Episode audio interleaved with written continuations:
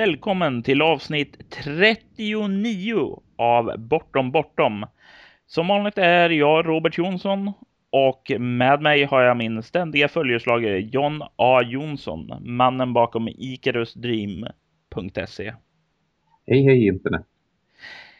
Ja, eh, det har eh, dröjt sedan sist eh, av lite olika anledningar. Eh, jag spelade in en podd som handlade om anakronismer med min medförfattare Marie A. Sjödin där. Men eh, ja, eh, smart som jag var så blev det inte inspelat av något skäl.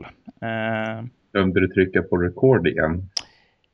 Jag har inte glömt att trycka på rekord sedan eh, första avsnittet vi spelade in tillsammans. Eh, det var tidigt det. Eh, jag eh, har ett bestämt minne av att jag tryckte på det men eh, det fanns inget inspelat så jag ska inte säga att jag hundraprocentigt gjorde det men jag har bestämt för mig det. Eh, och sedan så gick mitt headset sönder. Och det tog ett tag innan jag kunde skaffa ett nytt som jag vågade att spela in med. Så om jag låter lite sämre betyder det att jag har ett litet billigare headset. Och sen eh, har John lämnat sin boning också. Ja, eh, jag har varit mitt inne i en flytt senaste månaden så jag har haft eh, stor del av tiden jag har stor del av tiden varit utan en fast dator. Och Men... ja, bott i kartonger. Men nu börjar det komma upp ur kap kapongerna. Eh, kartongerna. Ja, nu har jag, jag har flyttat in i min nya stora fina lägenhet. Jag har eh, börjat inreda mitt rollspelsrum, min mancrib. Och eh, ja, datorer och sånt viktigt är nu uppplockat. Så livet börjar återgå till det normala.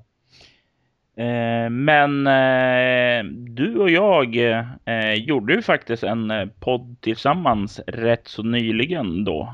Som kom upp. Du kanske vill tala lite om den? Ja, precis innan datorn packades ner för flytten så spelade jag och Robert in ett bortom avsnitt till Rollspelsklubben, min podcast som finns på icarusdream.se. Exakt, och vi talar lite grann om bortom eh, en del har ju säkert nämnt redan här inne, men jag, jag, tror vi fick fram lite nya saker där också. Så jag tycker du som lyssnar nu ska springa över till icarusdream.se och ladda ner avsnitt 4 av rollspelsklubben. Det tycker jag verkligen ni ska göra. Vi gav oss in i det med att försöka hitta pudens kärna i Bortom. Vad som verkligen distanserar Bortom från andra rollspel. Och jag tror vi träffade någonting där. Det tycker jag absolut också. Eh, så iväg och lyssna med er nu. Och för guds skull, kom tillbaka hit sen. Eh, Eh, när vi ändå talar om andra podcast, podcasts så vill jag ge en liten shoutout till den eh, senaste av de svenska rollspelspodcasterna. Eh, nummer fem i ordningen.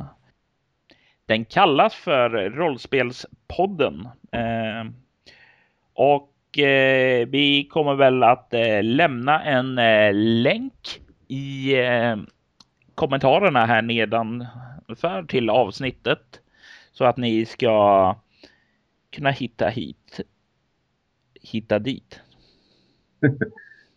ja, vi lämnar en länk så att ni kan hitta hit igen. Yes. Eh, och eh, ja, det är en eh, en liten grupp. Eh, ja, bestående. Ja, de är betydligt fler än eh, vi är här, utan det brukar vara mellan tre till sex stycken eh, som eh, talar om lite allmänna ämnen. Eh, de har skrivit ner en bunt samtalsämnen eh, på lappar och sedan lagt det i en eh, Cthulhu-figur som de sedan drar ämne i, i varje avsnitt som de sedan diskuterar om. Och eh, de eh, omnämner eh, bortom där ett flertal gånger så det, vi kan ju säga att vi gillar dem. Vi gillar alla som gillar bortom. Så ja, gå, gå gärna dit och kolla om det är någonting för er. Det kan ju vara någonting om man gillar lite mer paneldiskussioner än bara dialoger. Mm. Eh, det, de nämner väldigt mycket ofta eh, spel som går inom World of Darkness-genren eh, och eh, Drakar och Demoner och liknande. Och det är väldigt mycket fokuserat på eh, ja, det, ja, de talar väldigt mycket om deras egna kampanjer och upplevelser i de olika rollspelen. Jag har lyssnat på något enstaka avsnitt. Jag har inte lyssnat så mycket. Nej, du har ju flyttat runt så. Du har ju, vad heter ingen tid i världen. Eh, behöver jaga dig för att få tag i dig till ordinära inspelningar. Precis. Men det jag har hört har gått ganska bra. Mm. Ja. Sen så eh, har vi fått en liten recension på iTunes. Yay! Yep. Från familjen Johansson. De skriver en podcast som levererar tips, äventyrsfrön, inspiration och tankarna bakom det hyllade svenska rollspelet Bortom. Även tankar och samtal om andra rollspel förekommer och denna podcast rekommenderas till alla rollspelare. Och vi fick då fem stjärnor och det tackar vi så väldigt mycket för, familjen Johansson. Yes. Rätt tufft att ha ett eh, nick som familjen Johansson, för det indikerar ju att det, ja, det är något som eh, lyssnar tillsammans. Jo. Jag får en bild framför mig att de sitter runt middagsbordet och lyssnar på oss medan de äter. Ska vi hoppa över till eh, dagens ämne? Eh, vad är dagens ämne? Känslor. Och det här var ett ämne som önskades av Johanna Hamren som även eh, går under nicket att fluffot på Twitter.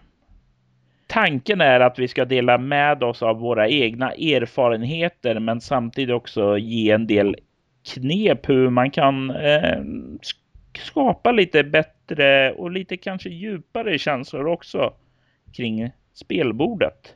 Ja, det är ett väldigt intressant ämne som jag själv inte troligtvis hade kommit på som förslag till att vi skulle köra podden. Johanna är ju för övrigt en live-kompis till mig som jag har liveat med ganska mycket. Kul! Hon har även bidragit till eh, kommande Leviathan också. Eh, med några eh, symboler som förekommer i introduktionskampanjen Tau 223. Ja. Men John, ska vi bli lite känsliga? Okej. Okay. Vi har väl alla varit med om kampanjer som har lämnat ett bestående intryck hos oss. Någonting som vi kan tänka tillbaka på år efteråt och känna att wow, det där minns jag riktigt, riktigt bra. Och jag skulle ju säga att det är ofta eh, någonting som har väckt en specifik känsla till liv i oss. Det kan ju vara någon som får oss att gråta. Det kan vara något som får oss att tänka det fick du. Eh, eller så kan det vara helt enkelt som så att men du får inte rejält emotionellt closure av en lång dragen intrig. Ja, jag tänkte väl att eh, vi skulle kunna tala lite om våra personliga erfarenheter från några olika rollspelskampanjer först innan vi går in på mer konkreta tips. Det låter som en bra början. Eh, du kanske eh, vill börja dela med dig av en, eh, en upplevelse som har påverkat dig känslomässigt? Första jag tänker på som verkligen har varit känslomässigt engagerande på ett riktigt djupt plan. Det är faktiskt tre separata, eh, helt fristående scenarion som dock alla i grunden är lite likadana. Det är därför jag tar dem som alla tre som ett exempel istället för tre separata. Mm. Och det är saker som utspelar sig både i rollspel och på live. Okej. Okay. Eh, det har varit när karaktären jag har spelat har på något sätt blivit förälskad eller romantiskt eh, knuten till en annan karaktär. Mm. Och det har för mig byggt upp väldigt mycket känslor som eh, ja, har liksom satsat rakt i hjärtat så att säga. Att man har verkligen suttit och levt in sig i känslan av det här att verkligen typ älska någon annan och verkligen vilja göra allting eh, för den andra personen. Eh, finns det något särskilt specifikt tillfälle vid någon av de här eh, tillfälle, tre tillfällena då som du har kan dela med dig om? Eh, typ no kanske någonting som fick dig att offra någonting för kärleken eller där du gjorde någonting för den eller? Eh, ja, eh, jag kan ta en. Eh, en av händelserna kommer från ett publicerat äventyr. Så jag varnar nu. Eh, det finns spoilers för Drakar och Demoner-äventyret Snösaga här. Så har du inte spelat Snösaga och någon gång tror att du kommer spela det så håll för öronen en liten stund nu för jag kommer spoila en ganska viktig detalj om äventyret. Eh, I kampanjen Snösaga så träffar man på en bekant som heter Oktaraf Grimme. Som är, ska vara en god vän till någon av karaktärerna. Och Oktaraf Grimme ska gifta bort sin dotter som heter Mira till en, ja, en slusk helt enkelt. Och när jag spelade det så, jag kommer inte ihåg exakt hur det gick där, men spelledaren lyckades få till det så att min karaktär blev förälskad i eh, Mira. Och eh, ja, efter en ganska händelserik eh, bröllopsnatt så var det ju, om man säger så, det var inte brudgummen som eh, fullbordade äktenskapet. Men eh, det som hände var att min karaktär blev väldigt fäst vid Mira. Och ja, väldigt kär. Och sen skulle Mira skickas iväg hem till den här slusken som han hade gift sig med. Och min karaktär svor att ja, men han ska åka och han, ska, han ska jobba upp sig och ska resa upp och sen göra anspråk på Mira. Och sen så kommer det ju en händelse som är inskriven i äventyret att Mira blir mördad. Mm. Då bröt min karaktär ihop helt och hållet. Först. Och sen tog han den liksom saknaden och hatet och motiverade honom rakt igenom hela kampanjen. Allting som senare hände, liksom det var bara för att hämnas. Och då så fanns det en, en väldigt emotionell scen som blev lite av en closure. Och det kan man enkelt säga. Det var ju att min karaktär var magiker. Och i Trudvangs värld så är ju magi är liv. Lite grann som The Force i Star Wars kan man säga. Ja. Så när vi hittade liket så lämnade min karaktär ett av sina smycken som han hade fyllt med magi på i graven så att säga som ett lämnat. Även i döden ska det finnas liv.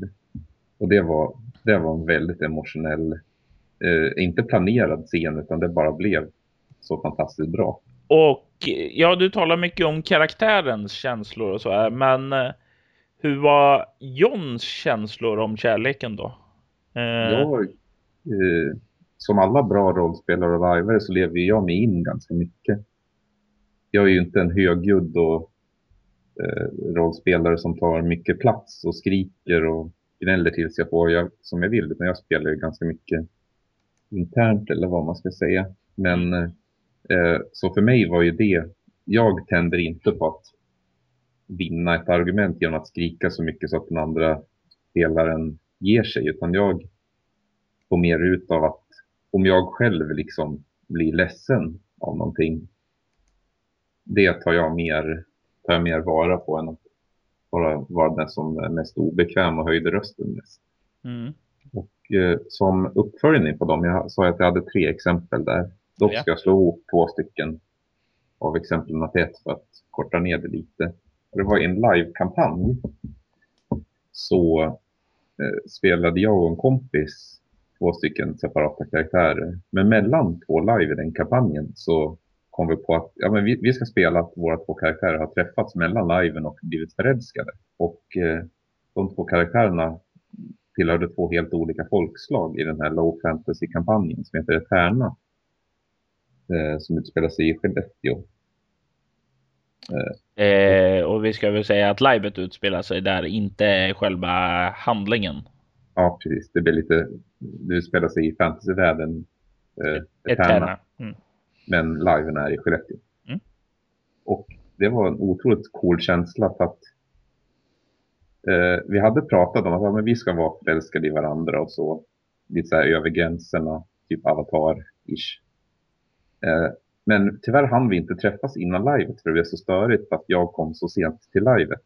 Pussen min blev försenad. Så vi hann inte prata ihop oss något innan livet om vad vi skulle göra utan det var liksom bara helt köra in och improvisera. Mm. Och då så kom det att min karaktär var ju liksom förväntansfull att ja, ja, men vi ska springa ut i skogen och träffa skogskvinnan som hon var. Och så kom det här tillfället när min grupp var ute och gick i skogen för att leta efter det folkslaget. Och vi stötte på dem. Eh, med dragna pilbågar och allt, så vi vågade inte göra någonting direkt. Eh, just då så fick hon och jag inte någon vi kunde ju liksom inte prata för det hade blivit ett jäkla härj. Eh, Men vi liksom bara de blickarna vi utbytte, liksom, det var riktigt spännande. Och inte riktigt outtalat utan så här kittlande, mm, vad ska man säga, he- hemligt. Precis. Och sen under resten av livet så hade vi ett antal så här, hemliga möten. Eh, hon och jag. När, när vi liksom gick lite åt sidan så att de andra inte såg vad som hände och liknande. Och Mm. det var liksom en fantastisk känsla. Ja. Och det tredje exemplet det är från en Ion-kampanj. Som är ganska likadant just den live-kampanjen. Att få från, träffa en person från ett annat folkslag. I mitt fall spelade jag en människa och den andra var en alv. Och just det här spelet att träffas i smyg så här lite hemligt utan att andra får veta för det skulle bli politisk skandal och sånt.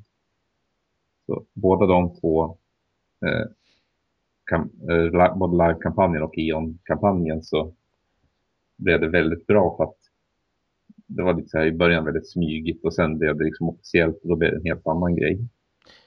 Eh, Det blir lite tabubelagd kärlek med andra ord. Ja, precis.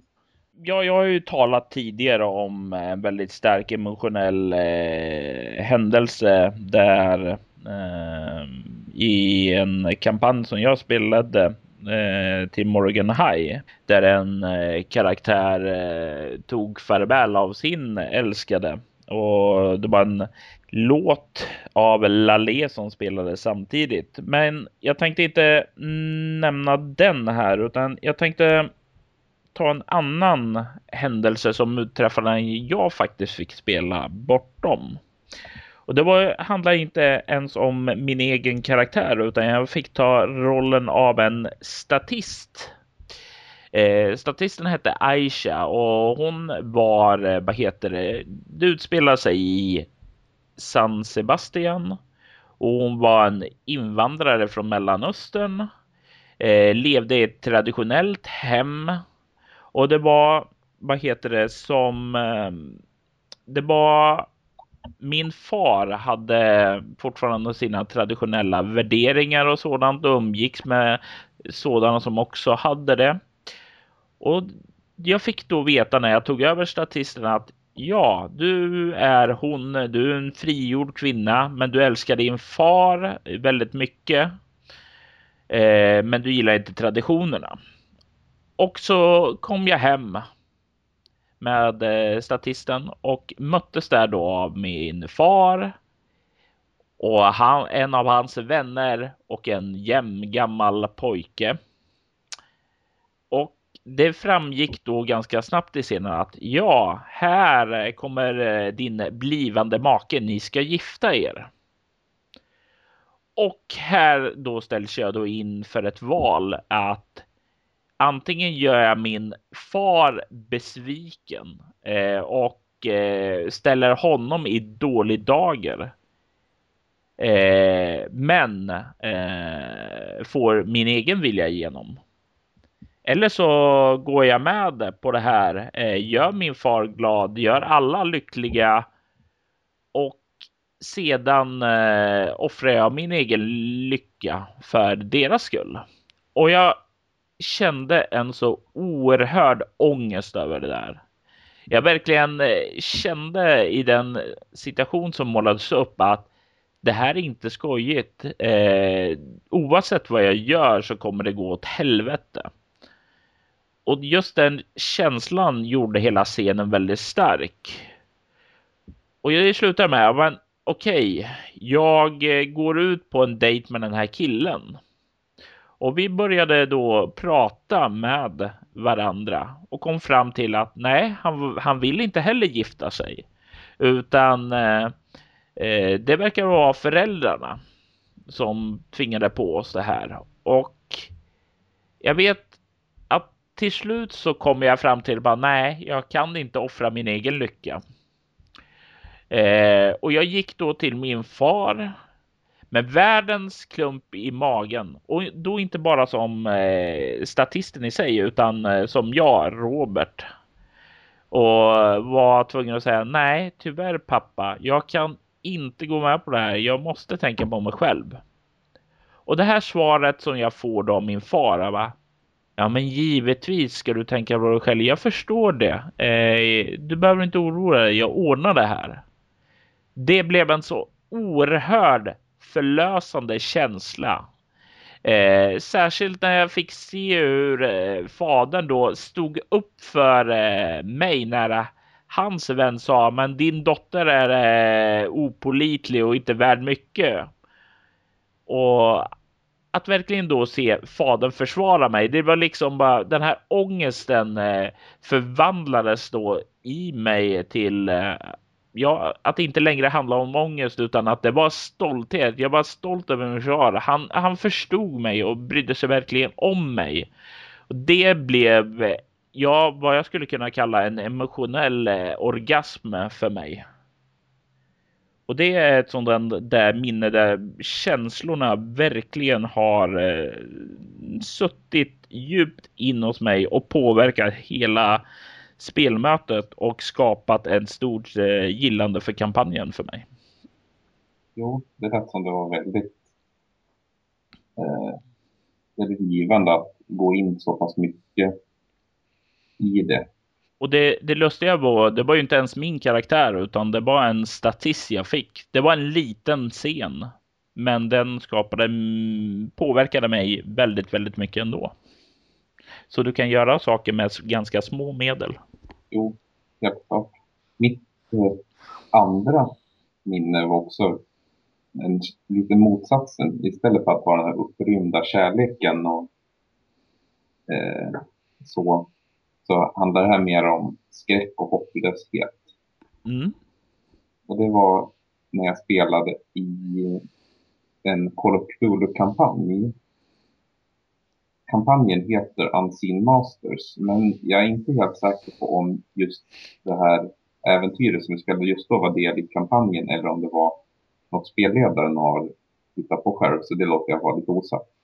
Men det var ändå inom kontexten för Unseen Masters till Call of Cthulhu. Mm. Där jag spelade en, en brittisk eh, ja, psykolog, kan man säga, psykolog, eh, kriminolog här som eh, lär sig saker om eh, brottslingar och brottslingars klovi och liknande. Mm. Och vi hade eh, under något äventyr jagat en mördare som mördade folk på väldigt bisarra sätt. Och sist hade vi lyckats fånga honom. Och min karaktär eh, har jag spelat lite som fisken ur vattnet, den britten som är i New York. I'm an Englishman i New York. Ungefär lite så här långt borta från hemmet och familjen och så. Vi spelade en scen när vi förhörde den här mördaren. Och eh, vi visste vid ett tillfälle tidigare att mördaren hade jävlats med den andra karaktären i gruppen. Genom att eh, smyga sig fram när karaktären inte såg och ge hans dotter en kubba. Bara för att visa att liksom, ja, eh, inte ens ditt barn är säkert. Och så. Men min mm. karaktär hade ju hade inga sådana problem alls. Just i och med att familjen var på typ andra sidan jordklotet mer eller mindre. Ja. Men när vi satt och eh, förhörde det, alltså den andra karaktären han blev så galen för att han var ju så förbannad på mördaren som hade kränkt hans dotter så mycket. Eh, så han gick ut och då var det bara min karaktär och, den och mördaren kvar. Och så sitter vi och pratar och jag var ju, tyckte det var jättespännande. Eh, och var verkligen inne i förhöret. Och så helt plötsligt så eh, börjar den här mördaren prata om min karaktärs eh, familj. Och speciellt eh, min karaktärs barn. Som var borta i andra sidan jorden då? Precis. Och då, den hopplösheten och den skräcken jag kände då. Jag mådde dåligt på riktigt kan jag säga. Jag var så inne i det och bara liksom. Det vände sig i magen på mig. Jag måste ha blivit blek i ansiktet för att jag var liksom. Så jävla tagen av det han sa. Sen visade det sig att det bara var tomma hot men just att. Det visste inte jag då utan jag körde ju på det jag trodde. Så det var den hopplösheten hoppas jag aldrig behöva känna på riktigt för det var riktigt obehagligt. Vad var det han sa då om det? Var det han skulle göra hemska saker emot dem eller bara att eh, saker hade skett mot dem? Nej, han sa lite mer som så ja, eh, vad ska din lilla dotter göra när hennes pappa inte kan försvara henne och hur skulle din son känna sig om han var ute på gården helt ensam och såg någon som stod i ett hörn och tittade på honom och sådana saker. Han visade att han kände till saker om det du älskade. Inte nödvändigtvis, men han la fram det på ett sätt som det framstod som om han... Jag tror inte han visste någonting på riktigt, men han fick då framstå som att det var så. Han var en jävel på cold reading alltså. Precis. Om jag ska ta en annan minne så kan jag ta ett som faktiskt utspelar sig i San Sebastian. Men vi spelade inte bortom då, utan vi spelade eh, ett rollspel som heter Changeling. Eh, ett spel till nya World of Darkness. Precis, precis. Eh, och i den eh, så handlar det om eh, feer som sagt var. Eh, ens karaktär blir kidnappad från sitt eh, riktiga liv och eh, en kopia, en så kallad fetch, eh, ersätts medan man är borta. Och när man kommer tillbaka då så har eh, den andra fortsatt leva livet eh, istället för den själv. Lite som en bortbyting, eller? Precis så jag tänker. Och nu spelade jag en eh, popdiva eh, som senare kom att bli en bortom karaktär. Eh, förekommer i visioner och fantasier som Zoe King. Eh, och hon kom tillbaka efter att ha varit borta. Och det visade sig att hennes fetch eh, hade blivit inlagd på sjukhus för hon hade tagit överdos. Och eh, det är ju som sagt var i början känner jag sådär. Eh, det som väckte hos både Zoe och mig var aj, det här är inte bra. Jag, ens, jag har ett eh, stort publikt rykte om mig. Jag är jagad av pressen och sådant. Och det här är inte bra om det börjar komma upp till ytan att eh, det finns två stycken Zoes. Eh, så jag vill ju bara få undan henne.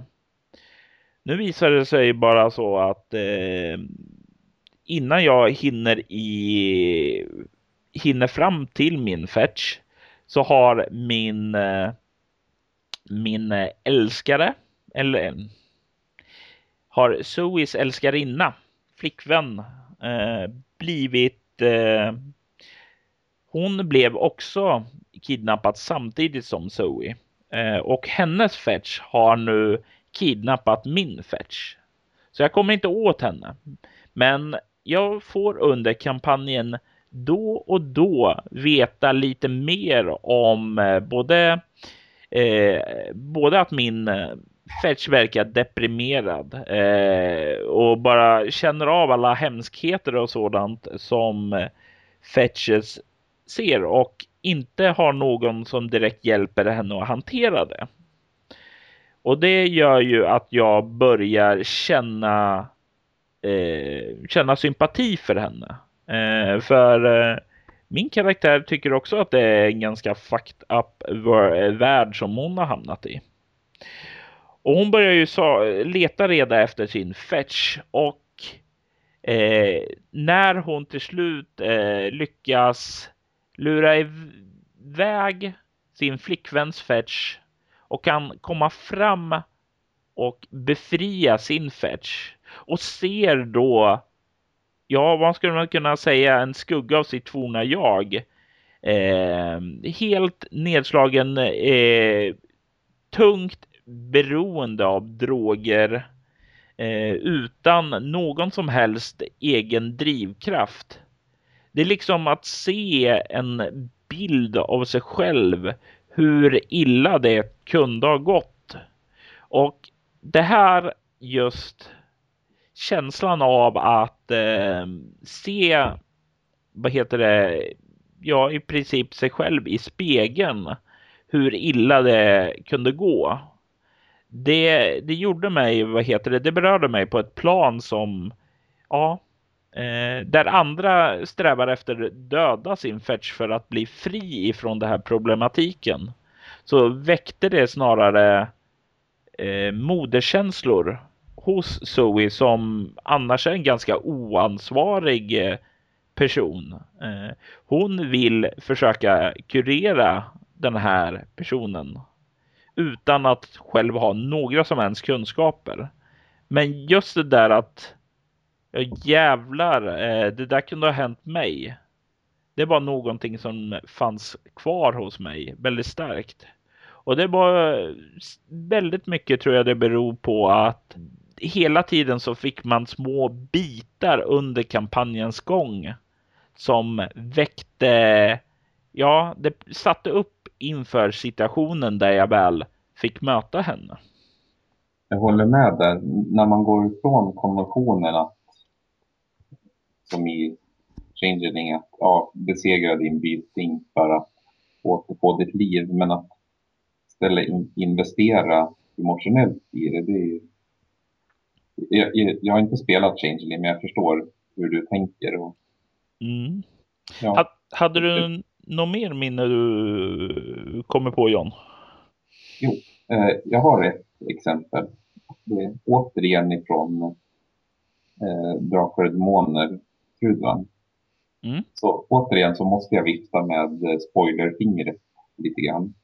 Ja. För eh, det inkluderar en spoiler till äventyret eldsjäl ganska mycket. Så har du inte spelat eldsjäl och tänkt spela det så håll för öronen ett par minuter bara. Ja. ja. Hör du? Hör du? Ja, bra.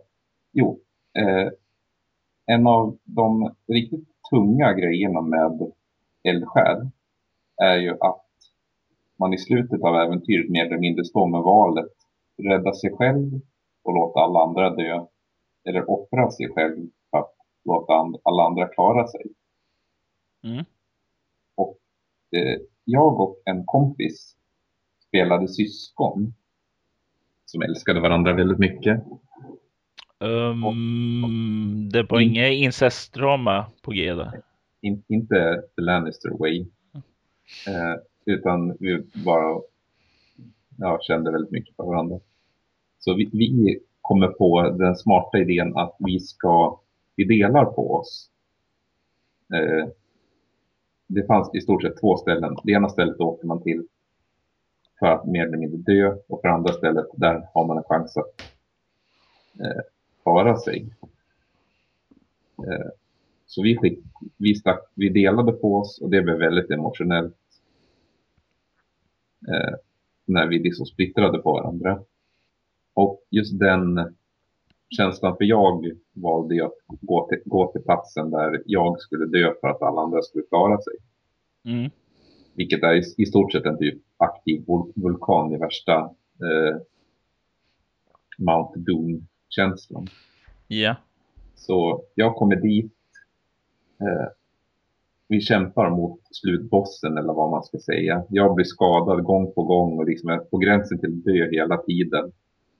Men den känslan min karaktär hade då, eh, gör jag det här så kommer alla andra klara sig, inklusive min syster.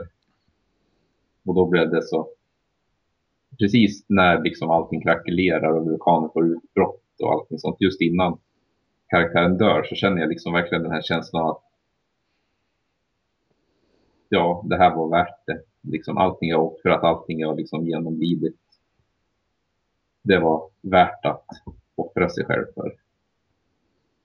Så ganska precis som typ i en bra film att just innan döden så bara liksom ja. This was a good life. Mm. Det är härligt när man får känna den känslan. Ja. Så nu kan du ta ut fingrarna och öronen och lyssna igen.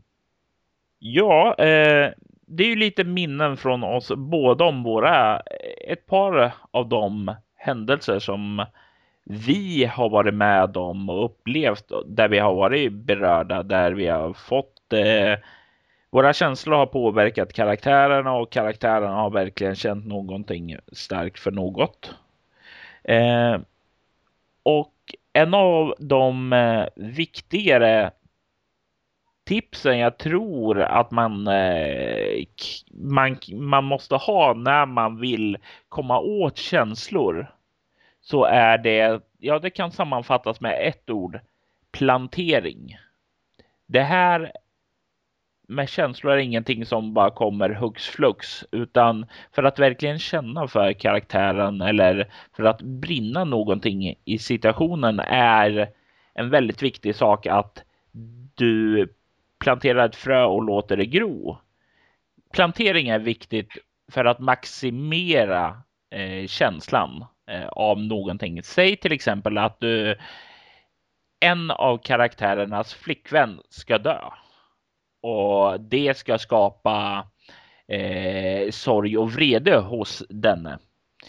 Eh, att eh, karaktären då har en flickvän bara på pappret eller får en flickvän i början av spelmötet och sedan får flickvännen dödad i slutet av det första spelpasset. Det gör ju absolut ingenting för känslan hos själva spelaren eftersom den inte har någon relation till den här karaktären då. Har däremot flickvännen i ett par spelmöten åt, ja, varit med i flera scener och umgåtts med eh, karaktären. Ja, men då har den en relation till det. Då har de en emotionell insats i karaktären, i flickvännen. Så då kommer en förlust av henne kännas betydligt värre än om den bara hade funnits där på papper och inte omnämnts alls tidigare. Och det tror jag är ett av eh, det mest grundläggande tipset. Få karaktärerna investerade i någonting. Och det, det är ett grundläggande tips som gäller om både sorg och glädje och hat och ilska. Ja, här kan jag komma med motexempel eller vad man ska säga. Eh, nu kanske det låter lite som att klanka ner på sådana här kortare one-shot-spel och indiespel och sånt, men det är inte meningen. Men jag vill visa en liten poäng just kontra det du sa. Mm. Det som jag har lite svårt att ta in i så här spel som ofta körs på konvent i indierum och liknande eh, så här spel där som man bara spelar på typ 3-4 timmar men som ska vara väldigt djupt engagerande. För om det är till exempel ett spel som börjar med att ja, men du är den trogne krigaren vars eh, älskade just har dött och du ska kämpa det sista slaget och sen dö i slutet för att det är liksom det äventyret och spelet är byggt för. Sådana spel har jag lite svårt att sätta mig in i för att det är alldeles för kort tidsram för att jag ska kunna engagera mig själv i det. Jag säger inte att det är dåligt på något sätt utan det är bara liksom att jag kan inte få ett papper där det står att ja, du spelar den, den ädle krigaren vars älskare just har dött. Ja, och så ja, gråt liksom. Det, det, så funkar inte riktigt jag. Då vill jag, jag behöver det som Robert säger med planteringen. Börja liksom smått, bygga en relation och sen kanske klippa bandet och Men det är se fram det här emotionella. Men det är ändå värt att säga att det, det betyder inte att det är det som vi kallar indiespel då, som använder sig mer kortare fokuserade och fungerar så. Det handlar, tror jag, också mycket om en eh, vana att spela sådana spel. Det är ju ett annat sätt än vad du och jag spelar på. För Ja. jag vet, eh, för vissa så är det ju så de kommer i kontakt med känslor. Eh, jag har se, sett och spelat med folk som är grymma på att nå dit genom de här teknikerna och sådant som spelen ofta använder. Ja. Eh, så det är bara ett annat sätt att nå dit vi gör. Du och jag är väl lite mera att vi vill eh, komma djupare in i karaktären under längre tid, att få en immersion in i den. Ja, precis. Eh, som sagt, det, jag klankar inte ner på indiespel på något sätt. Det är bara ett annat sätt mot för hur jag gör det. Så att det, jag vet att det finns ett spel som heter Monsegur 1244. Som är, det var lite det jag menade som exempel. För där är det att man spelar en, en religiös falang som är belägrade och ja, scenariot, spelet går ut på att eh, du kommer dö. Och på ett väldigt fasansfullt sätt. Jag tycker spelet verkar intressant men jag, jag tror att jag skulle ha väldigt svårt att spela det liksom bara gå till ett indierum och sätta mig och köra. För att jag kan inte vrida på kranen bara för att gasa i botten.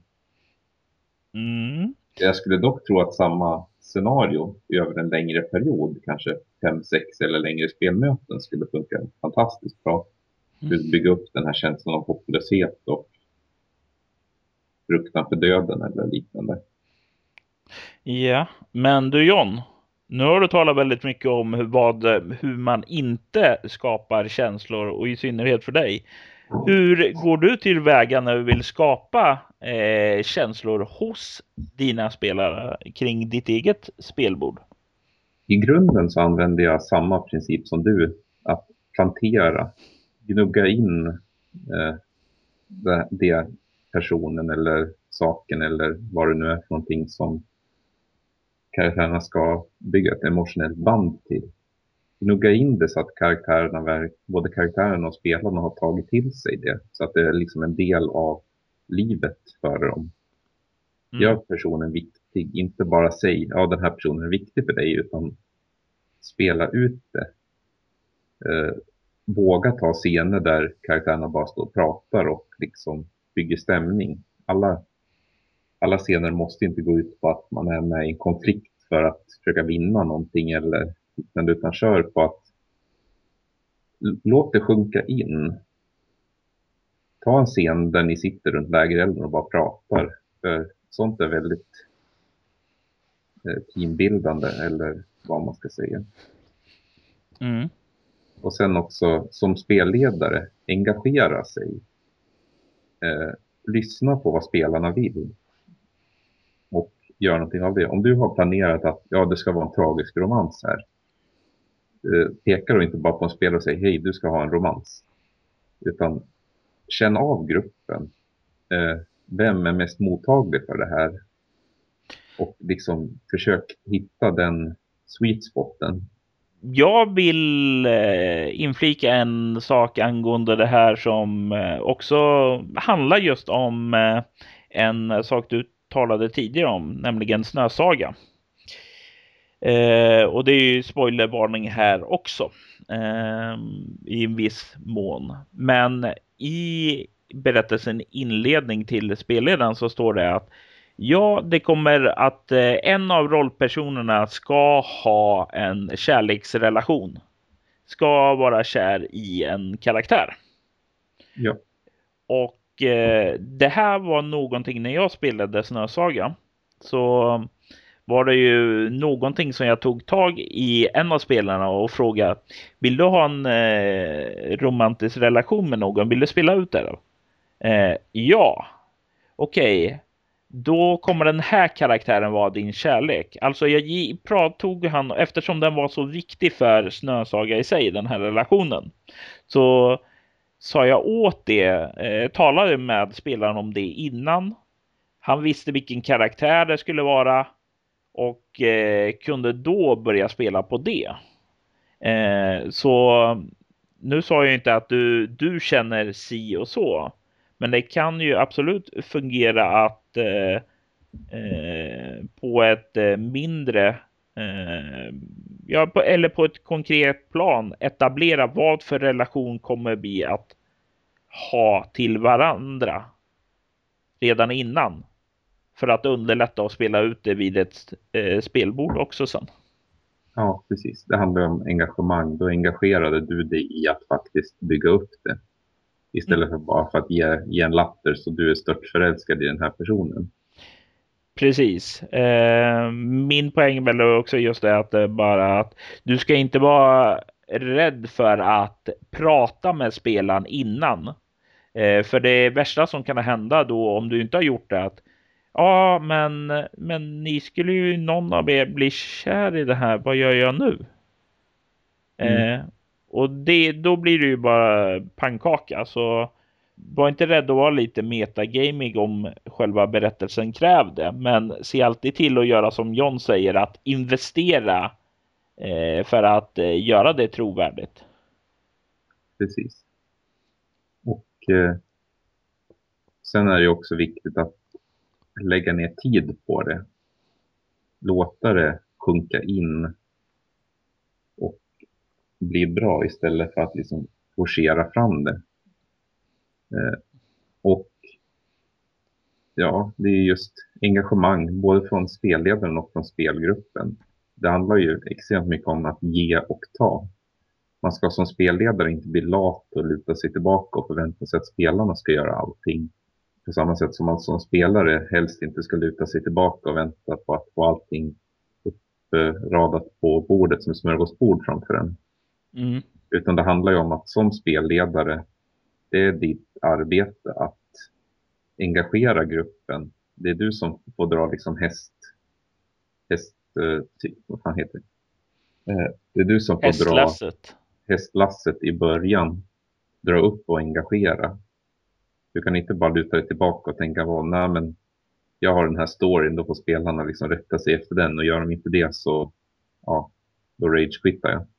Och eh, sen så, en grej som är väldigt avtändande är ju när spelledaren har sjukt mycket engagemang men för bara en person. Mm. Även, om, även om du har en kampanj där det bara ska vara en romans eller känslomässig connection så glöm för guds skull inte bort de andra spelarna. Eh, det, det, är väl väldigt, väldigt, väldigt viktigt att om du om eh, att belysa eh, känslor hos de andra också. Du behöver inte kanske inrikta samma känsla. En kanske har den här kärleken, en annan har ångest, den andra är eh, sorg. Ja, nu höll jag på att säga hatiskt, men vi kan väl säga något glatt istället, eh, som till exempel lycka. Alltså, eh, försök att arbeta med olika teman i sånt fall eh, istället för bara fokusera på en. Om du inte vill ha ett allmänt tema för hela gruppen då, så att säga. Precis. Och eh. så är det ju eh, också här väldigt, väldigt, väldigt viktigt att se att spelare är olika. Alla spelar inte på samma sätt. Nu sa jag innan här att jag, jag, jag kan inte liksom vrida på en knapp, starta och eh, bli jätteemotionell utan att ha någonting att gå på. Mm. Det finns de som är det. Ta Absolut. vara på det och försök inte forma dem till att vara precis som den sortens spelare du är van eller du själv är. Är du en person som är väldigt emotionella av dig, tvinga då inte alla andra att vara emotionella också. Eh, på samma sätt som du. Eller om du har till exempel en spelare som spelar exakt som du. Kör inte på att bara framhäva den personen och bara lyssna på den, utan ta vara på det om du har till exempel en wallflower. Kör inte över den personen med eh, teaterövningar om att stå och skrika varandra i ansiktet och ta plats, utan sänk dig själv till den nivån och locka fram personen istället på den personens villkor. Sätt inte upp dina egna mål och kräv att alla andra ska hoppa, utan sänk dig själv tills du är på samma plan som dem och sen hittar ni gemensamt en, en nivå som passar alla istället för att sikta på en och eh, låta alla andra ramla av. Det här för ju också in på en tanke som eh, jag har då också, att det är att eh, det är väldigt, väldigt viktigt att alla är på samma tåg så att säga. Eh, det finns inte möjlighet att skapa skräckkänslor eh, i, en, eh, i ett spelmöte om eh, alla sitter och flamsar. Det är helt omöjligt eh, eftersom de inte är med på dig. Samma sak så kommer du inte få några personer att eh, gråta över det sorgliga om de inte vill uppleva det. Visst, du kan få dem att gråta om du slår på dem eller eh, om du kan få dem rädda om du börjar hota dem. Men det är liksom inte det det handlar om utan eh, just för att skapa känslor så är det väldigt, tycker jag, viktigt att man redan innan spelmötet tar en kommunikation om eh, jag eh, skulle vilja försöka Eh, skapa en liten eh, hemsk stämning. Skulle vi i det här spelmötet kunna undvika att tala off topic och bara försöka tala som våra karaktärer? Och om då spelaren säger jo, nej, jo, men eh, det låter som okej, okay, vi testar. Ja, men då är de i alla fall öppna för det och då, då har du lite mer kapital att arbeta med. Och då vet också att spelarna lite vad de ska rikta in sig på. Ja, precis. Det finns ju olika sorters spelstilar. Eh, jag har ju nämnt någon gång tidigare, nu kommer jag inte ihåg om det var här på Bortom Bortom eller om det var på Rollspelsklubben jag nämnde att det finns sådana här eh, små ikoner som man kan lägga in i sin forumanvändare på till exempel rollspel.nu. Där det står vilken spelstil eh, kör jag? Mm. Där det finns bland annat eh, det som heter beer and pretzels, alltså öl och kringlor. Yeah. Som, som, är liksom när man bara spelar på skoj. Och eh, jag tycker lite att allting har sin plats. Jag vill inte bara köra beer and pretzels-spel. Jag vill inte bara köra tungt emotionellt, utan var sak har sin plats. Absolut. Jag tycker det, jag tycker det är spelledarens ansvar att liksom styra, säga i förväg, ja, det här spelmötet kommer vara ganska tungt, men ja, var inte rädda att andas ut mellan scenerna. Mm. Istället, istället för att bara köra på och sen bli sur på spelarna för att de inte gjorde exakt som man ville under spelmötet. Absolut, absolut. För, eh, kör man det och liksom lyssna på spelarna så kan man köra emotionella scener Och sen köra scener där man kör one-liners från Army of Darkness. Eller från Monty Python and the Holy Grail. Men man ska inte blanda och köra att ja, under den jätteemotionella scenen så börjar någon citera Life of Brian eller någonting sånt. Nej, precis. Men du John, eh, det verkar i alla fall som du och jag har relativt liknande eh, plantering eh, av sakerna och kommunikation med spelarna.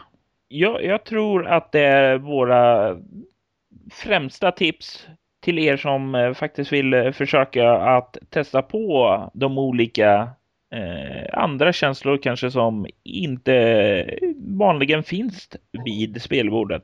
Och eh, ja, på tal om skillnaden mellan emotionellt och lättsamt så ska vi nu vandra in i det lilla segmentet vi har valt att kalla minnesstunden.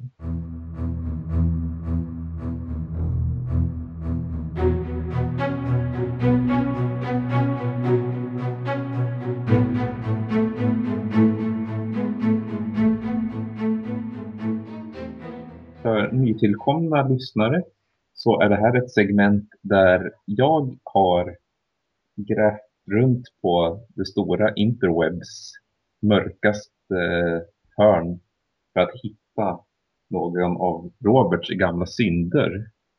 För att sen ställa honom mot väggen och se om han faktiskt kommer ihåg det han själv har skapat. Och det har gått så där kan jag ju säga. Jag har ett rätt hittills tror jag. Ja. Jag var nära en annan gång, men eh, vad har du för åt mig den här gången, John? Den här gången så kommer frågan från någonting gammalt. Mm. Och frågan är vad finns på den sjunde platsen? sjunde platsen? Eh... Jag har inte en aning om vad den sjunde platsen refererar till. Eh... Så jag kan faktiskt inte svara på den frågan. Eh... Om inte du ger mig en ledtråd åt något håll alltså. Eh... Jag har ingen aning om vad den sjunde platsen det har med din namne att göra. Min namne? Uh, ja. Eh, antingen så syftar du på en Robert. Eller så syftar du på att jag ibland kallar mig för Nate Traveller. Eh, jag har även nickat Endiamon som är förekommande i Bortom. Men nej, jag, jag kan inte dra mig till eh, minnes vad den sjunde platsen är. Du satte mig på pottan eh, rejält där, John. Ja, du kan få en liten ledtråd även om du får se dig själv besegrad. Jag kan Och få här. Är den sjunde platsen i våra förfäders vagga och grav. Vagga och grav. Eh...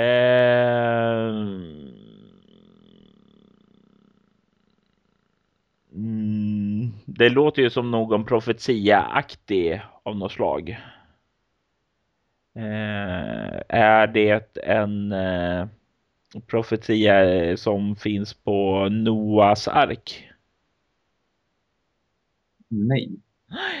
Uh, jag kan läsa hela stycket. Do it! Den sjunde platsen i våra förfäders vagga och grav. Enligt Robert har indianerna funnit denna plats och avsökt den utan att finna den.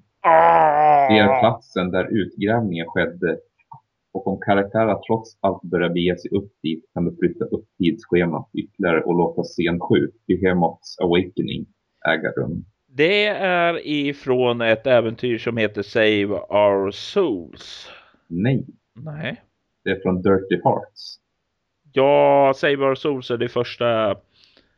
Ja, eh, nu har du verkligen skämt ut. Ja, nej, precis. Eh, Dirty Hearts är eh, den andra akten i en eh, berättelse den andra avslutande akten i berättelsen som utspelar sig i Venetka.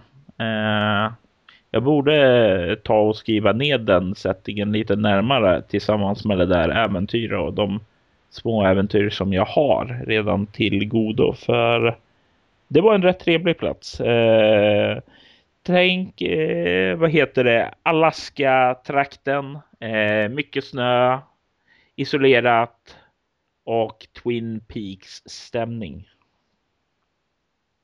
Och, eh. och titlar på engelska. Det skulle nog inte vara kvar längre då, nej. Eh, men det är från In the Dark-tiden då allting hette saker på engelska.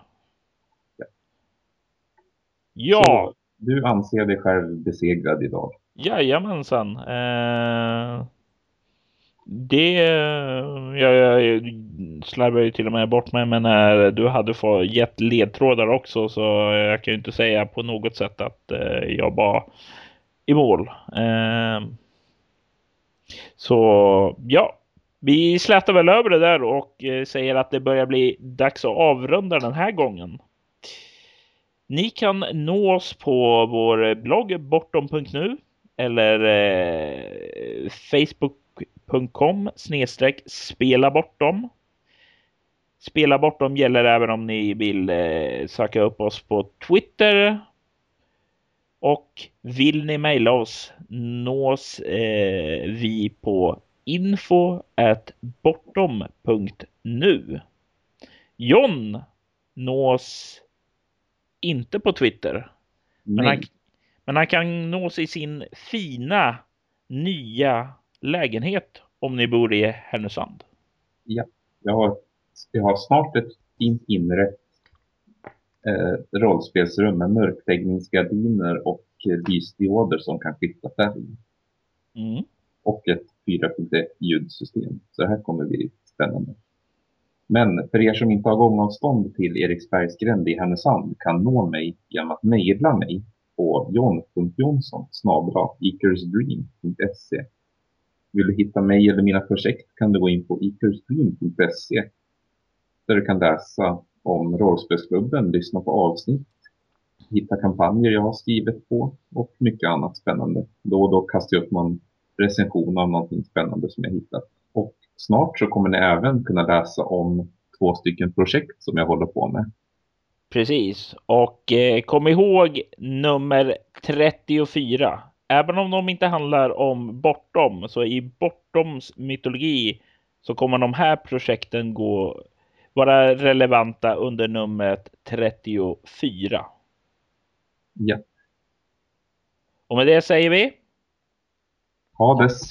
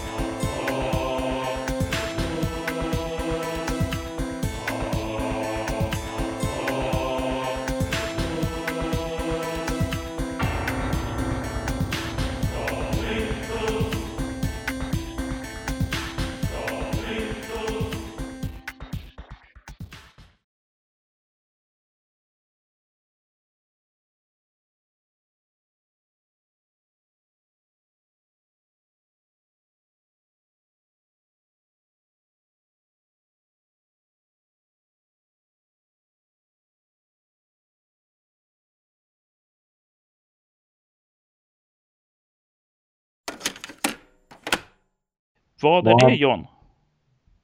Nej, jag skulle fråga vad det är. jag, tänkte, jag vände på det eftersom jag talade nu, men eh, visst, du kan få säga det. Improvisera, det här var inte din starka suit. Eh. din bakvända gnuttorsk. det är du som alltid tjatar om improvisation. Nu går det inte rätt någonstans här.